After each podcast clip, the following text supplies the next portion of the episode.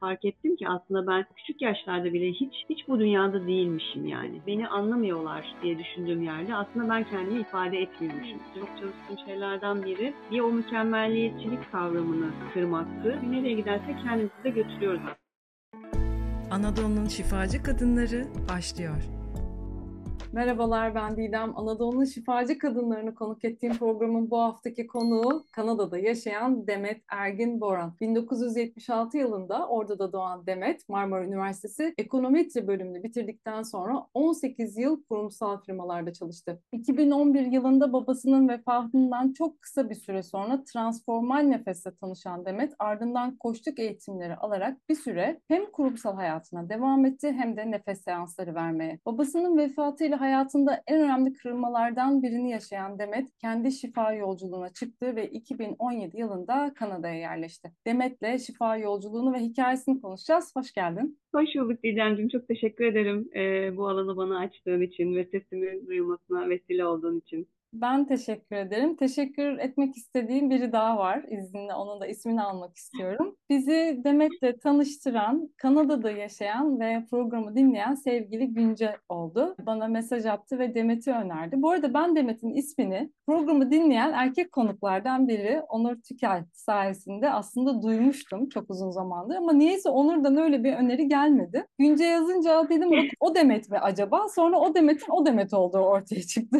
Dolayısıyla böyle bir anda ortak bir çember oluşu verdi hemen. Seni merak ediyordum zaten. Çok duymuştum ismini. Dolayısıyla seni burada ağırlamak ah, büyük mutluluk. Çok teşekkür ediyorum Didemciğim. Vesile olanlara da teşekkür ediyorum ben de vesileyle. Transformal nefesten başlamak istiyorum önce. Transformal nefesten biraz bahseder misin? Şifası nasıl? Teknik nasıl işliyor? Nasıl yapıyorsun? Onları anlatır mısın? Tabii ki. E, transformal nefes aslında Türkiye'ye ilk gelen nefes tekniklerinden biri ve e, 40 yıllık bir tecrübeyle yola devam ediyoruz aslında ve her gün de gelişiyor. Üç aşamada çalışıyor. Fiziksel, zihinsel, duygusal ve ruhsal seviyede. Ama bence nefes başlı başına bir şifa ama transformal nefesin bence en güçlü taraflarından biri bedenle çalışıyor olması. Biz transformal nefes yaparken bedene dokunuyoruz. Body map dediğimiz bir beden haritası kullanıyoruz. Ve beni 12 yıldır en çok şaşırtan şeylerden biri de özellikle de Kanada'da deneyimlediğim başka başka başka ülkelerin insanlarına dokunarak da gördüğüm bir şey. Sadece hani Türk insanıyla değil. Bütün duygular belli yerlerde yerleşiyor. Yani affetme dediğin şey gidip bir yere yerleşirken e, şefkat başka bir yerde duygusu yerleşiyor ya da travması yerleşiyor diyeyim. O yüzden bedenle çalışmak transformal nefesin en güçlü araçlarından biri. Bir de tabii orada circular breathing dediğimiz bağlantılı nefes alıyoruz. Yani durmadan bir nefes alma tekniği var. O teknik çok yüksek bir elektromanyetik alan oluşturuyor e, bedenimizin çevresinde ve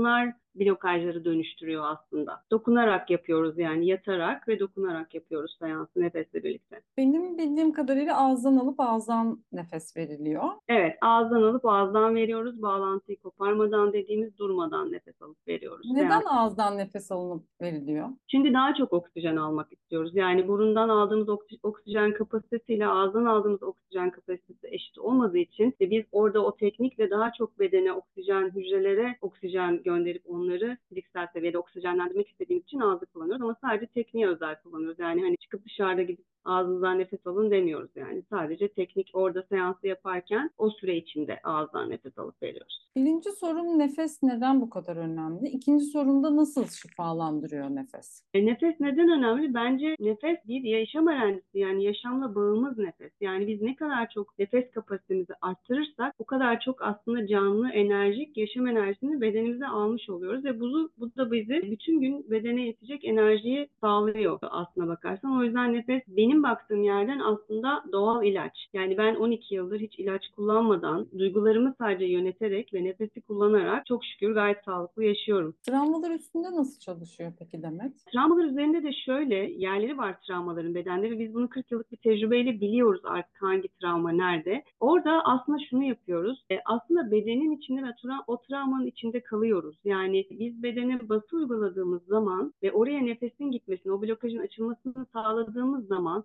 aslında kişi bazen hatırlıyor bazen hatırlamıyor ama anı kalıyor ama anının o duygusu dönüşmüş oluyor. Transforme, zaten transformation oradan geliyor transformal nefes. Yani dönüşüm nefesi. Oradaki negatif hepsi bir frekans aslına bakarsan ve biz oradaki negatif frekansı dönüştürüyoruz aslında. Travma dediğimizde bedene aldığımız o an olurken aldığımız ve sakladığımız aslında ortaya çıkarmadığımız yani bizim canımızı acıttığı için gömdüğümüz duyguları or önce ortaya çıkarıyoruz sonra da o frekansı çok yüksek frekansla dönüştürüyoruz. Sende nasıl bir şifası oldu? Sen nasıl tanıştın nefesle? Ben Transforma Nefesi çok aslında ilginç. Sabah Tümer'in programında tanıştım Transforma Nefesi. Böyle o zaman bankacıyım. Bir şekilde akşamları yatmadan önce televizyon seyrediyorum ve sabahın da böyle çok geç saatlerdeydi programı o zaman. Şimdi programın adını hatırlamıyorum bile. Oraya bizim eski iki, şu anda semde olmayan iki nefes eğitmenimiz gelmişti. Ayça Tülüce ile Semra Bakioğlu. Ondan o kadar güzel anlattılar ki nefesi. Ben dedim hemen denemeliyim. Ama tabii o zaman e, nefes bu kadar yaygın değildi Türkiye'de. Ben Ankara'da yaşıyordum o dönem. Ve nefes koçu bir tane var. O da hamile. Onun doğum yapmasını bekliyorum. Sevgili Burcu Hatipoğlu. Aslında benim nefesle tanışmam Burcu'yla tanışmamla başladı. Neyse ben Burcu'nun bekledim doğumunu, tekrar işe başlamasını falan. O arada hep mailleştim. Ama tabii orada şöyle oldu. Bir türlü de karar verip gitmedim aslında. Hani böyle bir şey olduğunu duydum, merak da ediyorum ama asıl tetikleyen tabii babamı kaybetmem oldu. Ondan sonra o süreçte sorgulamalarım başladı. Hayata dair her şeyim değişti. Bütün, bütün kavramlarım yerinden oynadı. Ve sonra dedim ki ben bunu bir deneyeyim. Ondan sonra... Orada e, tam olarak ne yaşadın? Yani babanın rahatsızlığı süreci var. Bunlar seni içeriden nasıl etkiledi? Nasıl sorgulamalar başladı? Neden ihtiyaç duydun bir yere gitmeye, şifalanmaya? Neydi oradaki ihtiyacın? Hepsi bir gecede oldu. Şöyle 13 yıllık bir hastalık süreci var ama hani böyle hastanelerde geçen değil. Ama hep şeyi hatırlıyorum mesela. Doktorlardan iyi haber beklemeyi yani böyle hani bir, bir, bir şey var ve o iyi haberi duymamız gerekiyor sürekli. Öyle bir ve sürekli sevdiğin birini kaybetme korkusu içindesin. Ama ben tabii o korkuyla yaşadığımı çok sonra nefese girdikten sonra anladım. Oradayken onu aslında bilmiyorsun çok fazla. E şöyle o cenaze sürecinde aslında her şey tetiklendi. Çünkü bir babamın zamanında hep böyle iyiliği dokunan insanlar bunu çok güzel hikayelerle geri bildirimlerde bulundular. Hepsi böyle çocuklarmış ve büyümüşler ve o zaman şeyi fark ettim. Böyle bir hayattan gidiyorsan böyle gitmen gerekiyor. Yani arkada bir anlam bir şeyler bırakman gerekiyor. İkincisi de mezarlığa gittiğimizde ve onu toprağın altına koyduğumuzda da aslında fark ettiğim bir şey var. Ben babamı hala hissediyorum. Evet fiziksel olarak şu an yanımda değil. Görüyorum çünkü gözlerimle hani ama onun ötesinde bir şey var. Yani bu ne? Aslında benim hani çıkış noktam orasıydı. Hani burada hissettiğim his nasıl bir şey? Ne? İşte ruh nedir? Nereye gidiyor? Öldükten sonra ne oluyor? Bir sürü kitaplar falan derken o arada işte kendime doğum günü hediyesi verdim transforma nefesi herhalde hayatımda aldığım ve kendime verdiğim en güzel hediyeydi. Çok inanılmaz bir seanstı. Seanstan böyle kalktım. Dedim ki bunu hani bu şifayı dünyadaki herkesin bilmesi ve kullanması lazım. Hemen zaten çok hızlı bir şekilde eğitimleri tamamladım. Yani hani hiç ikinci seansı Tabii ki aldım ama o süreçte zaten başlamıştı eğitim sürecimde. Kolundan tuttum herkesi Burcu'ya götürdüm tabii. Yaymayı sevdiğim için. Seni ne etkiledi?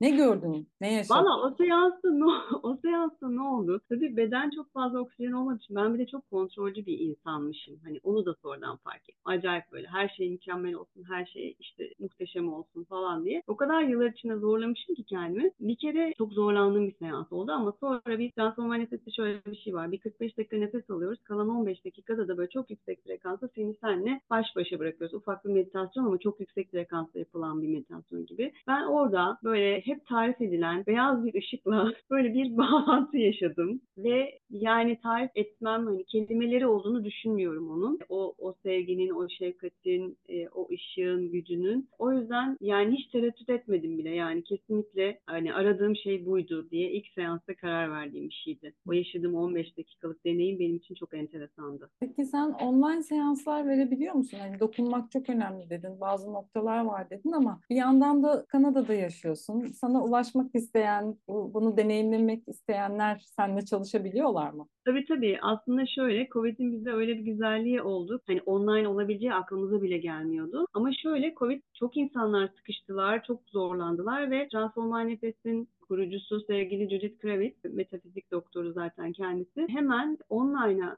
özel, insanları rahatlatmaya özel bir yöntemler ortaya çıkardı ve biz şu an online dokunmadan da ama şöyle yapıyoruz tabii dokunmuyoruz ama zaten benim baktığım yerden enerjinin sınırı yok. Yani ben burada bir alan açıyorsam o karşıya sana zaten her şekilde geçiyor. Ama onun dışında dokunmak yerine de şunu yapıyoruz. Belli hareketlerimiz var. Bedeni, nefesi hareket. Çünkü biz nefese bakarak çalışıyoruz. Yani nefese bakarak nereye gitmesi gerektiğine karar veriyoruz. O nefesi götürmek istediğimiz yerlere de belli pozisyonlar var. O pozisyonları kullanarak ulaşıyoruz. Mesela dizlerini karınlarına çekmeleri gibi ya da işte yogadaki e, çocuk pozisyonu, child position dediğimiz gibi e, pozisyonlarla nefesin hareketlenmesine ve gitmesi gereken yere e, ulaşmasını sağlıyoruz. O hareketleri kullanarak yapıyoruz ve ben de inanılmaz şahitlik ediyorum ki yanında olduğumuz biri kadar işliyor ve o insanlardaki dönüşüme şahitlik edebiliyorum. Peki senin sürecinde nasıl ilerledi? Sende ne gibi değişimler oldu? Ve şeyi de merak ediyorum bu arada. Yani bir yandan kurumsal hayatta çalışmaya devam etmişsin. Bir yandan da nefes seansları ilerlemiş. Oradaki dengeyi nasıl buldun? Nasıl ilerledi orası? Çok Çünkü genelde hikayeler şey oluyor. İşte istifa ettim ya da ayrıldım işten sonra ben bu işi yaptım falan gibi ama sende bayağı da bir süre ikisi paralel gitmiş. Senin o değişimin yani orada hem bir yandan çalışıyorsun yani çok kolay bir şey değil bunu dengelemek. Hem madde dünyasında olup hem manevi tarafta çalışmak çok kolay bir şey değil bence. Yani uçmak çok kolay çünkü. Evet. En büyük zorluklarımdan biri zaten onu dengelemek aslına bakarsan. Yani şöyle oldu aslında. E, ben biraz işte ilk nefese başladığında dönüşüm tabii ki oluyor ama hemen birden de halinizden şey yapamıyorsunuz. O yüzden hani biraz da böyle aslında şey halim var yani. Hani hazır burada maaşım var, çalışma buradan bir gelir geliyorken öbürünü de bir geliştireyim. Aslında biraz hani ne deniyor ona tam şimdi kelimeyi bulamadım ama biraz aslında garanticilik. Hani risk almamak aslında oradaki o hala dönüşmemiş hal. E, o yüzden böyle pat diye bırakmadım ama şöyle yapıyordum. E, akşam iş çıkışı 6'dan sonra seans, e, bireysel seanslar yapıyordum. Hafta sonu grup çalışmalarımız oluyor bizim işte iki günlük, bir günlük, bazen iki saatlik workshop, workshoplar. O zaman da oradaki eğitmenlerimizin sevgili Ankara Zülal var. E, onun da burada adını anayım. O da çok kıymetlidir benim yolculuğumda. Onunla çalışıyorduk. E, bayağı bir süre evet ikisini birlikte götürdüm. Zaten şöyle aslında Kanada'ya gelişim tamamen nefese dönmemi sağladı bir taraftan da. Ya sistem seni zorla attı oradan yani. Gerçekten öyle. Tabii ikizler doğdu. Yani nefesle çalıştığım sürede aslında öyle de bir tarafı var. Yani işte anne olmaya çalışıyorsun, bilinçaltı kalıpların var. E, onları temizliyorsun nefesle. Ondan sonra tüp bebekle ikizler oldu. Sonra da işte ikizlerin, bence ikizler bizi buraya getirdi diye düşünüyorum bir taraftan da. Çok da bizim seçimimiz mi emin değilim. Birden kendimizi burada bulduk. Evet ben bir merkaba eğitimine katıldım. Ondan sonra Kanada'ya geldim.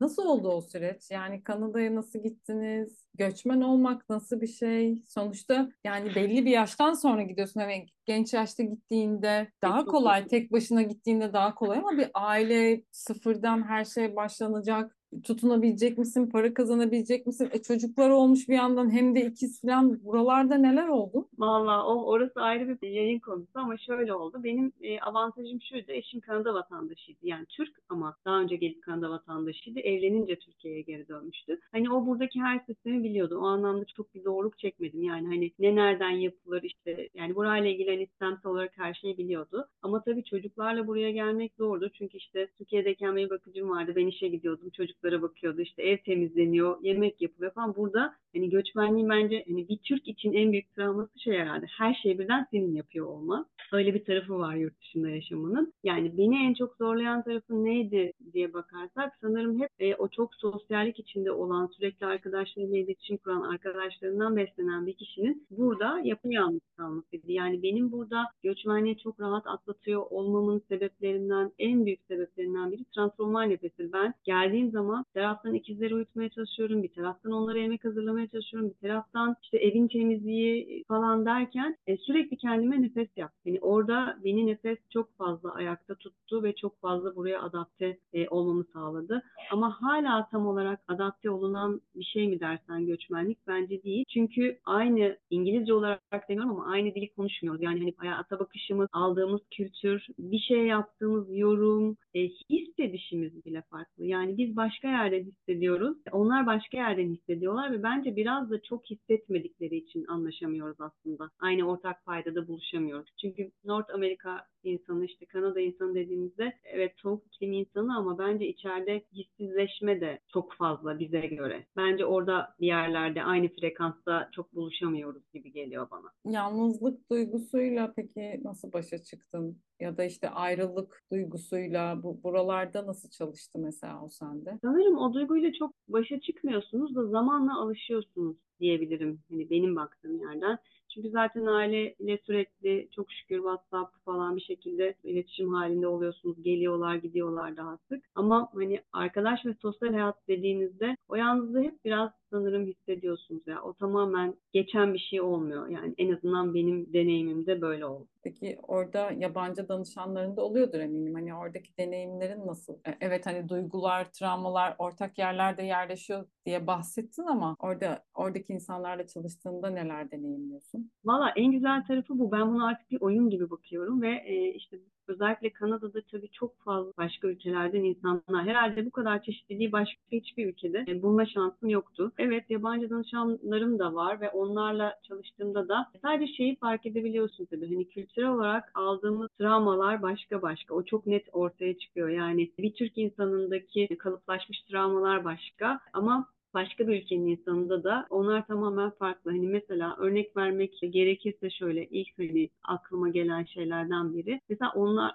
yani bizde daha çok şımartılıyor, çocuk seviliyor ediyor ya bir taraftan da. E, onlar da biraz daha çok fazla anne babayla aralarında şey var. Daha fazla mesafe var. En çok hani beni etkileyen kısım o oluyor. Mesela ben hep şey diye düşünürdüm. Yani bizde işte çok din kavramı çok fazla sorun oluyor insanlarda hani ama mesela bir Hristiyan'da da çok fazla dinle alakalı farklı şeyler, travmalar var. Hani şaşırtan beni şeylerden biri oydu mesela. Sanki sadece biz böyle dini kalıplarla büyüyoruz da hani yabancılar gayet bu konuda hani relaxlar falan gibi düşünüyordum. Ama hayır gerçekten onlarda da inanılmaz anne baba travmaları bizden çok farklı. Ne bileyim hani bizde mesela atıyorum çok uyuşturucu ile ilgili bir travma yok. Ama burada anne baba uyuşturucu hani çocuk öyle büyümüş mesela. Hani çok daha yaralı diye bakıyorum aslında hani bu taraftaki insanlara bize göre. Çünkü bizde bir şefkat hep var yani. Benim bir eski erkek arkadaşım olmuştu Avustralyalı. Şimdi aynen dediğin gibi hani onlar daha modernler işte vesaire gibi kalıpların var yani. Daha açık fikirliler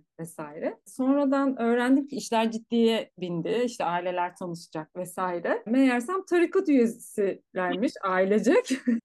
Ve misyonerlik yapıyorlarmış Uzak Doğu Asya'da. E, alkol yok, domuz yok, karides yok falan. Hani ben böyle hani nasıl yani ben neyin içine düştüm diye bayağı bir ve Türkiye'ye ziyarete geldiklerinde aileler çalışacaktı. Bana sıkı sıkı tembihledi aman sakın hani bana alkol teklif etmeyin. Ailem bilmiyor alkol aldığımı diye. Biz böyle karşılıklı rakı içiyoruz. Onlar da hani Müslüman bir aile. Bizi artık nasıl konumlandırdılarsa onlardaki algı tepe taklak oldu. Bizdeki algı tepe taklak oldu. Böyle bir şey yaşamıştım. O zaman işte aslında genelleme ve o hani standart bir kalıba sokma halinin olmadığını öyle deneyimlemiştim ben de. Dolayısıyla orada biliyoruz. Ama bir yandan da şu var. Evet hani farklı onlar da başka şeyler yaşıyor ama şefkat var diyorsun. Evet o maneviyat, o dostluk bağı çok güzel. Ama benim gözlemlediğim kadarıyla bizde değersizlik çok fazla. Çok değersiz Aynen. diyoruz. Neden sence? Güzel bir soru. Bunu hiç düşünmedim neden değersiz ediyoruz ama tabii aslında bu değersizlik bir tek bizim de değil. Genel olarak sorun. Çünkü hani ben kendi deneyimimden de biliyorum. Ben o kadar hazır anne baba oldum. Yani hani nefesin içindeydim. Bebeklerimi kucağıma aldığımda bir sürü çalışma yapmıştım kendime. Hani onlara ne kadar doğduklarında şefkatli olmak gerektiğini ve hani sadece koşulsuz sevginin bir çocuk için yettiğini hep biliyordum. E, ama hani bizim anne babalarımız ya da bizim kuşaklarımız hep çok zorlanarak büyüdüler. Yani orada bize ne yaptıklarının farkında değiller. Ben hani hep şunu söylüyorum. Danışanlarıma da zaten hani olumlama söylerken söylüyorum. Yani zaten en iyi bildiklerini yaptılar. Daha iyisini bilselerdi zaten biz bu travmalarla büyümeyecektik. Ellerinden gelenin en iyisi buydu. Orada çok da hani neden böyleydik diye çok da sorgulamanın bir anlamı olduğunu düşünmüyorum ama bu kod bizde evet çok fazla var. Mesela en basitinden hani değersizlikten başka bir konuya geçeceğim ama hafta sonu biz bir e, oyun oynadık. Ben yabancılarla ilk kez Transformer Nefes'in iki günlük seminerini ilk kez Kanada'da yaptık biz. Eğitmenimiz Türkiye'deydi, biz burada Kanada'daydık ve orada oynadığımız bir oyun var böyle dans ediyor, müzik çalıyor, biri sahneye geliyor dans ediyor, diğeri de onun hareketlerini yapıyor. Ben şimdi kendi çalışmalarını hazırlıyorum ilk girdiğim zamanda. Bizim böyle gruptaki insanlar daha utanıyor, daha çekiniyor, işte hani aman beni çağırmasınlar sahneye gibi falan. Ama burada ki yabancıları gözlemledim mesela. O hemen geliyorlar oynuyor. Yani o kadar farklı farklı şekillerde yetişiyoruz ki yani bizim oradaki o utangaçlığımız, bizim oradaki o işte aman ben sahneye çıkmayayım, aman görünmez olayım hani şuradaki halimiz onlar da inanılmaz bir şekilde yani o self confident dediğin şey, kendine güven, özgüven evet. dediğin şey inanılmaz tavanda. O yüzden birazcık da şey tabii hani burada okulların da çok önemi var. Hani burada çocuklar ben kendi çocuklarımdan da görüyorum. Hani biraz öyle yetişiyorlar. Ama bizde biraz daha farklı yetişiyor. O yüzden hani mesela değersizlik duygusu diyorsun bizde çok var ama burada da çok var Hı. inan baktığında. Hani orada hani biraz ortaya çıkışıyla alakalı sanırım sürecin. Peki sen nasıl bir ailede büyüdün? Yani annenle babanla ilişkin nasıldı? Sen nasıl bir çocuktun? Onlardan aldığın şeyler nelerdi yani? Bir kontrolcülükler geçti de hani biraz daha denir, derine inersek neler vardı onlardan aldığın, öğrendiğin? Aslında çok fazla onlar üzerine değil de çok fazla kendim üzerine çalıştım şey olarak. Yani şöyle ben yaptığım işte iç çocuk çalışmalarıyla ya da başka çalışmalarda fark ettim ki aslında ben küçük yaşlarda bile hiç hiç bu dünyada değilmişim yani. Hani hiçbir zaman ayaklarım yere basmamış ve hiç bu zaman bu dünyaya ait hissetmemişim kendini. Hiçbir zaman o e, bağlantıyı kurmamışım dünyayla. Çünkü mesela işte hep beni anlamıyorlar diye düşündüğüm yerde aslında ben kendimi ifade etmiyormuşum. Çocuklara en kendi çocuklarıma da en çok öğrettiğim şey bu. Çünkü bir, kızların biri çok bana benziyor benim kızlardan biri. E, yani hani diyorum ki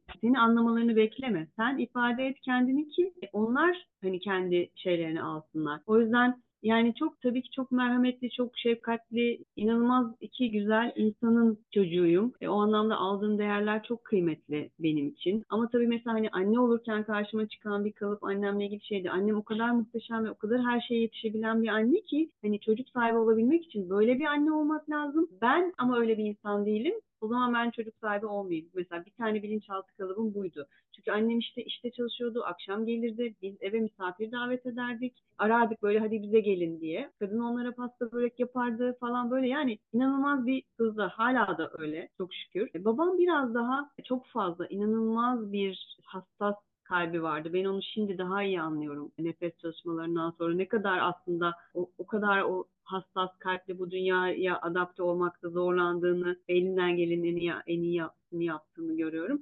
Ama benim en en çok çalıştığım şeylerden biri bir o mükemmelliyetçilik kavramını kırmaktı. Çünkü hani geldiğim yer hani dünya olarak zaten mükemmel bir yer değil. Benim geldiğim yer aslında çok mükemmeldi. Hep oradaki mükemmelliği burada yakalamaya çalışmak aslında hani en büyük çalıştığım travmalardan biri. Bir de şey tabii yani e, en çok topraklanmak bu dünyaya adapte olabilmek. Bu bedeni kabul edip gördüğüm her şeyle bağ kurabilmek en zorlandığım alan oydu. Ha bir de hız. Yani ben mesela böyle çok hızlı her şeyin olması gerektiğini düşünüyorum. Yani böyle ışık hızında diyorlar ya. Yani sanırım öyle bir yerden geliyorum. Dünyanın yavaşlığı hala çalıştığım. Yani dünyanın yavaşlığı değil, dünya böyle de. Benim kendi üzerimde çalıştığım şeylerden biri. Özellikle Kanada hani Türkiye'den sonra aşırı yani hani aşırı yavaş Hani bir yayanın karşıdan karşıya geçmesini sana tarif edemiyorum yani Sinemciğim. hani dersin ki bunun hiç mi işi gücü yok? Yani bu nasıl bir yavaşlıktır? Diyorum ya bak hala e, şey yapamıyorum yani. Hani tabii ki çok alıştım. Tabii ki hani 12 yıldır kendimle çalışıyorum. Çok daha iyi. Ama yine de hız benim için hala üzerinde çalıştığım şeylerden biri.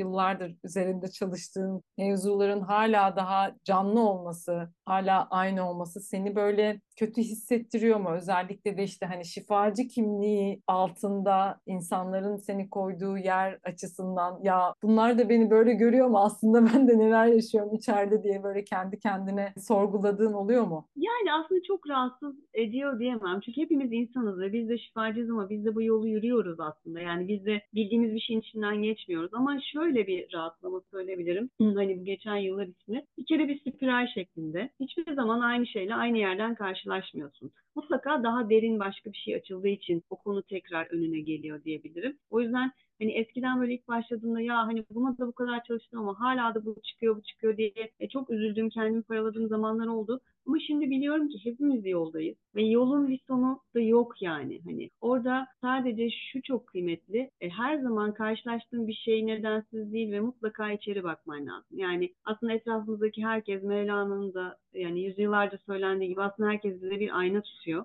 Ve o aynada içeride ne vara bakmak benim yolu daha hızlı yürümemde çok kıymetli bir e, farkındalık olmuştu. Ben hani bizim çocuklarımıza öğrettiğimiz gibi işte masaya çarptığında aman yavrucuğum işte masayı dövelim hani ah da masa değil de hani orada ben de oradan geçiyorum masa zaten orada duruyordu deyip o sorumluluğu almanın çok kıymetli olduğunu düşünüyorum. Herhangi biriyle kavga ettiğinde de bir şey aksi gittiğinde de bir yerde bir sıkıntı olduğunda da orada hani içeriye bakmak benim herhalde bu süreçte aldığım en kıymetli öğreti. Bir de zaten deneyimlemeye geliyoruz yani duyguları. Bunun sonu olsa dünyada olmayız. Yani ne kadar duygularını deneyimli yani ne kadar duygularını manage edebiliyorsan yani hani onların içinde savunabiliyorsan ve şefkatle onların içinden kendine de şefkatle, sürede de şefkatle geçebiliyorsan aslında yolculuk keyifli. O yüzden de hani ay şuram da var, şuna da işte onlar da görecek artık hiç onlarla ilgili bir sıkıntım yok. Yani hani danışanlarım da neyin içinden geçemiyorsam onlar da biliyorlar. Bazen onların vesilesiyle, onlara yaptığım bir seansla ben içinden geçiyorum. Hiç belli olmuyor çünkü şifayı hem onlar hem kendimize yapıyoruz aslında. Yani alanda ben hala temizleniyorum. Her yaptığım seansla aslında kendime de çalışıyorum ve benim içimde olan danışan bana geliyor zaten. E, ona da çok inanıyorum. O yüzden hani bu çok sonu olan bir yolculuk değil. Ama keyifliyim yani hani daha daha yolun sonunda nereye varacağız da değil de içinden geçerken anın keyfiyle geçmeye odaklanıyorum. Hani yılların tecrübesi o oldu bana. Bir hislere çok bakmak. Çünkü bu çok hani kişisel gelişim çok fazla Türkiye'de ama hiç kimse yani hiç kimse demeyeyim tabii ki hani e, çoğu insan da hissin ne? Her gün soruyor musun ben ne hissediyorum'a e, çok odaklanmıyor belki. Orada ben onu çok kıymetli buluyorum. Yani benim dönüşümümde ne hissediyorsun sorusu bence herkesin her gün birkaç kere kendine sorması gereken bir soru. Şu an ben ne hissediyorum? Hani bunun içinden geçiyorum ama gerçekten ne hissediyorum? Aslında bahsettiğin gibi sorumluluk almak ve e, kişinin kendisine, kendi içine bakması bu anlamda bu yolculukta en kıymetli. Daha hızlı dönüşüyor her şey. Ama maalesef evet kişisel gelişim çok fazla Türkiye'de. Yani çok fazla teknik var, seanslar, işte kamplar, workshoplar. Ortalık şu anda yıkılıyor. Millet seanstan seansa koşuyor. Ama baktığında yani o seanstan seansa koşmak, eğitimden eğitime koşmak da kendinle yüzleşmeni engelleyen bir yerde oluyor bir noktadan sonra. Çünkü ne o eğitimler, ne o seanslar kişi kendine bakmadığı sürece hiçbir işe yaramıyor aslında. Yani bu birazcık hani mastürbasyon gibi bir şey oluyor. Yani hani o anda evet ben kendimle çalışıyorum.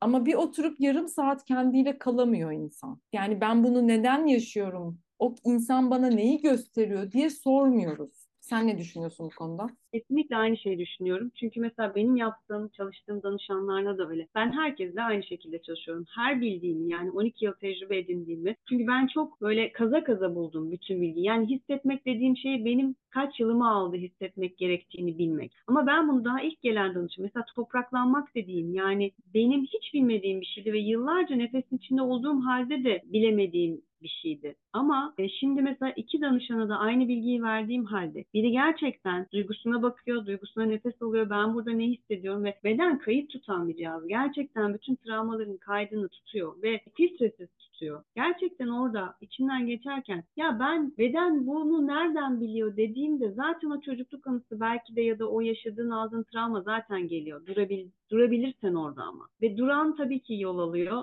Durmayan da etrafında dönmeye devam ediyor. Yani hani travma orada gözüküyor ama ama ben oraya bakmayayım. Mesela bu yabancılarda çok fazla. Mesela yabancı mesela Türklerde şöyle bir şey var. Gelen tekrar geliyor, tekrar geliyor ve orada travmasıyla çalışıyor. Ama yabancı e, danışanlarda tabii ki hepsini genellemiyorum ama genel gördüğüm hani Türklerden farklı olarak gördüğüm şey travma o kadar çok ki e, burada daha çok mesela sen Türkiye'de çok fazla şey var diyorsun. Burada da biz Türkiye'nin bir 30 yıl falan gerisindeyiz yani spiritüel anlamda, ruhsallık çalışmaları. Evet burada da bir sürü çalışma var ama burada da nasıl biliyor musun? Hadi gelelim kakao seremonisi yapalım. Hadi gelelim işte woman circle yapalım. işte kadın çemberi yapalım. Ama hiçbiri travmanın yanından yöresinden geçmiyor yani. Transformal nefes çok derin bir çalışma olduğu için ve bir yatırıp bir seans yaptığın zaman çoğu nereye kaçacağını şaşırıyor. Çünkü oraya bak ya hazır değil ya da ne bileyim oraya bakmak çok canını acıtacak belki ama bu herhalde yani bence bu süreç can acıyarak da geçiyor. Canın acımasına da alışıyorsun bir süre sonra. Yani hani o travmalarla karşılaştıkça karşılaştıkça aa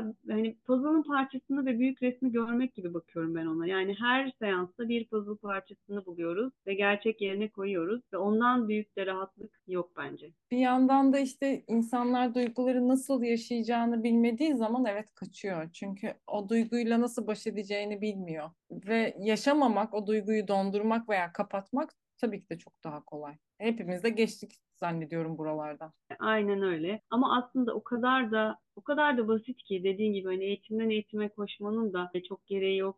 E, asıl aslında hani benim gördüğüm ve kendi de deneyimlediğim şu. E, duyguya sadece kalıp nefes almak ve izin vermek yani senden geçmesine, halden hale dönüşmesine izin vermek aslında her şeyi de çözen bir şey bir taraftan. Yani hmm. evet çocukken çünkü filtresiz alıyoruz. Her şeyi filtresiz alıyoruz ve sorgulamıyoruz yani. Çünkü inanıyoruz. Hayat zor dediğinde biri onu inanarak alıyoruz ve hep hayatı zor yaşıyoruz. Ama halbuki o içeride bir yerde bir durduğunda ve oraya birkaç derin nefes aldığında o kadar da kolay aslında. Beni gör diyor duygu yani. Beni gör. Bak buradayım ve senin canını acıtıyorum yıllardır. Beni gör ve birlikte dönüşelim. Bu kadar da aslında sistem güzel kurgulanmış yani görebilene. Sen peki mesela bir karanlığınla karşılaştığında ya da yüzleştiğinde kendine şefkatli olabiliyor musun? Kabullenici bir yerden yaklaşabiliyor musun kendine? Yıllar tabii ki onu getirdi. Yani öncesinde mesela ben hep şeyi söylüyorum. E, benim Nefes'ten önceki arkadaşlarım, çok eski arkadaşlarım çok kıymetliler. Çünkü ben Nefes'le tanıştıktan ve dönüştükten sonra diyorum ki bunlar nasıl benimle arkadaşlık yapmış yıllardır. Yani onların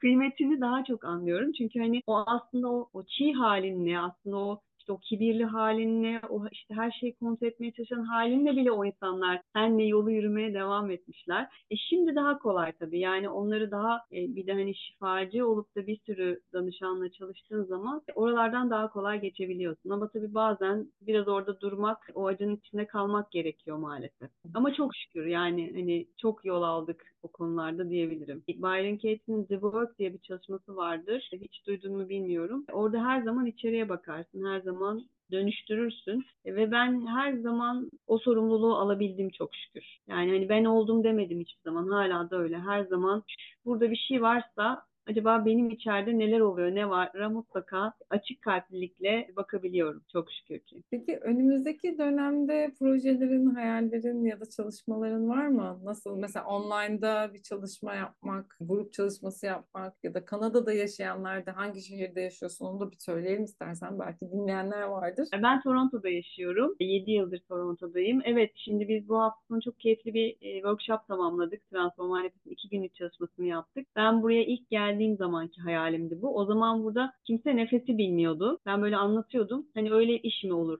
diyorlardı. Ve bir tane hayalim gerçekleşmiş oldu. Şimdi tabii Transformal Nefes'in bir haftalık semineri ve koç yetiştirmek var. 7 yıldır ben buradayım. Sadece ekstra iki koç eklendi sisteme. E burada çok az Transformal Nefes koçu var. Tabii ki hani onları çoğaltmak çünkü biz seminerler, bir haftalık seminerler yaparken sadece kendimiz çalışmıyoruz. Bir sürü insan çalışıyor. O yüzden acil olarak koça ihtiyacımız var. Nefes koçu nefesine ihtiyacımız var burada. Belki dış Kanada'ya taşımak isteyenler olabilir transformal nefeslerle. Bir de Point of View'la çok güzel bir yolculuğum devam ediyor benim. E, kartlara bakarak aslında şeyi değiştiriyorsun. Aslında oyun oynuyorsun. Coaching game oyunları oynuyorsun. Ve çok güzel farkındalıklar elde ediyorsun. E, onun workshopları oluyor. E, online çalışmalarım zaten birebir nefes hem online'da hem burada devam ediyor. Transformal nefesin workshopları ve Points of View workshoplarıyla devam edeceğiz. Daha çok kurumsal bazda devam etmeye çalışıyoruz şimdi buradan sonraki süreçte. Peki dinleyenler için sana ilham olmuş, senin yoluna eşlik etmiş, önerebileceğin bir kitap, bir podcast veya bir film var mı? Biraz önce söyledim aslında. Yine aynısını söyleyeceğim. Byron Katie'nin Olanı Sevmek kitabı çok kıymetlidir. Ve Byron Katie'nin podcastleri, farklı farklı insanlarla konuştuğu ve kendi yöntemini uyguladığı. E çünkü dışarıda gerçekten hiçbir şey yok. Hepsi bizim içimizde ve herkes bize ayna. Byron Katie o aynalık kavramını aslında bizim kendi kültürümüzde, topraklarımızda olan aynalık kavramını çok başka dört soruyla cevaplıyor. O benim için e, yolculuğumda transformal nefes dışında çok fazla faydası olmuştur bana. Çok fazla onunla çok daha hızlı yürüdüğümü düşünüyorum. O yüzden onları önerebilirim. Film olarak da tabii ki bir sürü var ama e, sanırım Inside Out ben de bir film çeksem böyle çekerdim. Çünkü her zaman merak beni sürüklemiştir bu yolculukta. E, orada içeride nelerin olduğu mesela şimdiki merakım da şey yani nasıl dünyanın her yerindeki bütün insanların travmaları aynı yerde yerleşiyor. Yani hani beyin bunu nasıl yapıyor? Bir affetme nasıl omuza gidiyor? Başka bir yere gitmiyor da ne bileyim işte bir böyle alma işte kaburkenin sol tarafında duruyor. Yani bunlar o kadar yerleri sabit ve belli ki hani hep merak beni yolda tuttu. Şimdiki merakım da bu. O yüzden Inside Out e, onun için hani orada bir işleyen bir mekanizmayı görmek açısından beni çok etkilemişti. Hep de tavsiye ettiğim bir film. Özellikle çocuklara mutlaka izletilmesi gerekiyor diye düşünüyorum. Duygularını manage yapmalarını küçük yaşta öğrenin. Yani bir de hepsinin geçici olduğunu bilmek lazım. Yani hani o duygunun içinden geçiyorsun. Hani suç yok, suçlu yok. Deneyim var sadece. Deneyim olduğunu bak olarak baktığında her şeye çok daha şefkatli bir yerden yürüyorsun yolu. Kendine kızmıyorsun, e, sinirlenmiyorsun. Çünkü sadece deneyim yani o anki deneyim gibi bakıyorum ben. Kendine şefkat göstermek nasıl öğrenilir sence? Of en zor sorulardan biri sanırım. Yani aslında o da bir deneyim. Yani içinden geçerken, bir zorluğun içinden geçerken de iki, yani ben aslında hep şuna inanıyorum. Her zaman iki seçeneğimiz var. Ve neyi seçersek onu yaşıyoruz. O yüzden biz bir zorluğun içinden geçerken de iki şekilde geçebiliriz. Yani kendimizi dövebiliriz, kızabiliriz, bağırabiliriz. Ya yapmasaydın bunu niye yaptın diyebiliriz. Ya da yani sen de öğreniyorsun, sen de yoldasın deyip orada geçebiliriz. Sanırım böyle, ben böyle deneyimliyorum en azından. Yani orada eski o kızgınlıklarım şunu da şöyle yapsam yapsaydın, bunu da böyle yapsaydından çok. Aa burada da yeni bir şey öğrendik. Burada da bak hani her gün büyüyoruz, her gün değişiyoruz. E, burada da bunu keşfet diyerek biraz daha sanırım o benim için kendine şefkati ifade ediyor. Çünkü her kelimenin de herkese göre bir anlamı var. Yani neşe dediğinde herkes aynı neşeyi algılamıyorsa hani benim için şefkat, kendine şefkat böyle bir şey burada. Peki yolda olanlara ne söylemek istersin? Bir yolun sonu yok. Onu biliyorum çok net. Kesin bilgi. Ben bulurdum. Olsaydı ben bulurdum. Çok aradım. Bitirmeye çalışmayalım yani. Aynen. Çünkü ben hani bitse de gitsek diye başladım hani. Hani hepsini temizleyelim, temizleyelim, temizleyelim. Hani bitsin gidelim artık yani şeklindeydim. O yüzden yolun sonu yok yani hani e, o, o bir kesin bana göre. O yüzden kendine şefkatle geçmek ve yolun keyfini çıkarmak. Yani hani bir yerde neşe yoksa yürüdüğün yolda o zaman o yola tekrar bakmak lazım. Bir de tabii mentörün çok önemli. Yani orada mentörün de kendine çok çalışıyor. Hani örnek aldığın kişinin de kendine çok çalışıyor olması çok önemli. Lütfen hani bir sürü çalışma var, bir sürü şey var ama bir, bir sorgular mısınız? Kimi takip ediyoruz biz? Gerçekten o takip ettiğimiz kişinin kendine faydası var mı diye diye e, o, onu çok önemsiyorum. Yani hep güzel insanlarla karşılaştım. Çok kıymetli dokunanlar oldu hayatıma. E, hep özenle seçtim ama onları da ve şanslıydım da açıkçası. Bazen de çünkü deneme yanılma, yanılmayla buluyoruz. Ama evet takip ettiğimiz kişi okuduğumuz kitap hepsi bu yolda çok önemli. Ben şunu da sormak istiyorum. Sence illa ayrılmak gerekiyor mu yaptığın işten bunun için? Yani bu şey gibi bir şey anlaşılıyor. İlla yolunu değiştirmek, işte her neredeysen, her ne işi yapıyorsan, nerede çalışıyorsan, nerede yaşıyorsan hani bunları değiştirirsem hani bu hayattan hani kurtulurum, mutlu olurum gibi. Ben bizzat bunu deneyimlemiş bir insan olarak yani işimden ayrıldım, hayal ettiğim dünya turuna çıktım vesaire vesaire. Ama hep şunu örnek veriyorum. Filipinler'de Google'da, internette gördüğüm burada olsam hiçbir sorunum olmaz, huzurla yaşarım dediğim yerde ben böyle böyle ağladığımı bilirim. Dolayısıyla çözümün bu olmadığını ben kendim deneyimledim. Bu şekilde düşünen, işte illa ne bileyim çalıştığı işten ayrılmak zorunda olduğunu düşünen, yaşadığı şehirden ayrılmak zorunda olduğunu düşünen, yani mutsuzluğunu bir şekilde dış etkenlere bağlayan, ne istediğini de bilmeyen, henüz daha tam ne sevdiğini de bulamamış olan insanlara ne söylemek istersin? Yani şöyle e, mesela hani insanlar şu an akın akın Kanada'ya geliyorlar ama burada da aradıklarını bulamıyorlar. Çünkü nereye gidersek kendimizi de götürüyoruz aslında. En başında bu yani biz gidiyoruz oraya ve bütün travmalarımızla gidiyoruz. Yani bir şehir değiştirince ya da ülke değiştirince biz değişmiyoruz. Ama mesela transfer nefesten sonra ben hala kurumsal hayattayken e, şöyle bir faydası olmuştu yaptığım çalışmaların bana. Aynı insanlarla aynı zaten bana bunu söylemişlerdi e, başlamadan önce aynı insanlarla aynı şirkette daha huzurlu bir yerden çalışabiliyordum. Çünkü ben değişiyordum. Etrafım değişmiyordu. O yüzden bence bulundukları yerde bir sıkıntı varsa gene içe bakmak çok kıymetli orada. Bir de ben şuna inanıyorum. E, hepimiz bir hediyeyle dünyaya geliyoruz, doğuyoruz. Yani bizim bu dünyaya katkı olmamız gereken bir hediye var. Hazır çalışıyorken ve kendileriyle çalışıyorlarken işte bu bir hobi olabilir, bu başka bir şey olabilir, bir yaratım olabilir. Hani benim hediyem ne olabilir diye daha çok dibe dibe kazmak lazım. Değiştirmek, ayrılmak, bir şeyi bitirmek hiçbir zaman çözüm değil. Bazen de bir sürü başka hani parasızlığın da getirdiği bir sürü başka sıkıntılara da yol alabiliyor. Ya da hani yolunu bulamamanın verdiği her şeyin içinde kaybolmaya da. Çünkü hani kurumsal hayatta olmak en azından bir şekilde seni topraklıyor. Hani dünyanın içinde kalıyorsun. Çünkü spiritüel şeylere gittiğin zaman o dengeyi sağlamak her zaman da çok kolay olmuyor.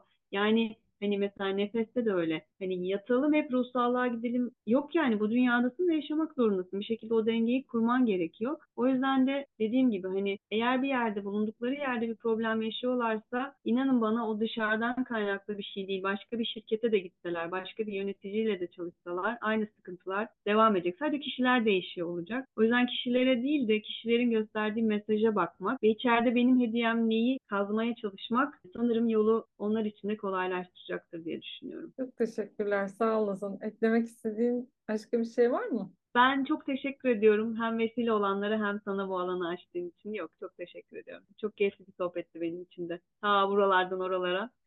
Çok güzel oldu gerçekten. Ben çok teşekkür ediyorum. Hem Günce'ye hem Onur'a hem de Evet. sana geldiğin için. Ve Kanada'da dinleyen herkese buradan sevgilerimi gönderiyorum. Evet çok fazlayız artık sayı olarak. Çok Evet. kalabalık oldu. Umarım orada yaşayanlar, Tor- Toronto'da yaşayanlar da bu kaydı dinleyip seni bul- bulsunlar dilerim. ki. İnşallah. Buluşun. Umuyorum ben de. Evet ihtiyacı olana ulaşsın diyelim. Evet, bana da haber vermeyi unutmayın. Tamam. Tamam kesinlikle. Ve sizlere de çok teşekkür ediyorum. İyi ki bizimle beraber bu çembere oturdunuz, bu sohbette beraber olduk. E, yılın son aşk buluşması 26 Aralık Salı akşamı saat 21'de olacak. Bu güzel alanı sevgili Büşra Mavi Coşkun, Sahru Yüksel ve Aylin Çevik'le birlikte paylaşacağız. Kundalini Yoga, Kundalini Meditasyonu ve dişil enerji döngüsü nefes çalışması olacak. Biliyorsunuz aşk buluşmaları bağış usulü. Eğer katılmak isterseniz yılın son aşk buluşmasında Instagram'da profilimde yer alan kayıt linkine tıklayabilir ve formu doldurabilirsiniz ve detaylara da or- oradan ulaşabilirsiniz. YouTube'dan eğer henüz abone olmadıysanız sizden rica ediyorum lütfen YouTube'a abone olun ve programlarla ilgili görüşlerinizi, önerilerinizi lütfen benimle paylaşın. Ve bir sonraki programda görüşmek üzere. İyi ki varsınız. Çok teşekkürler. Görüşmek üzere. Anadolu'nun şifacı kadınları sona erdi.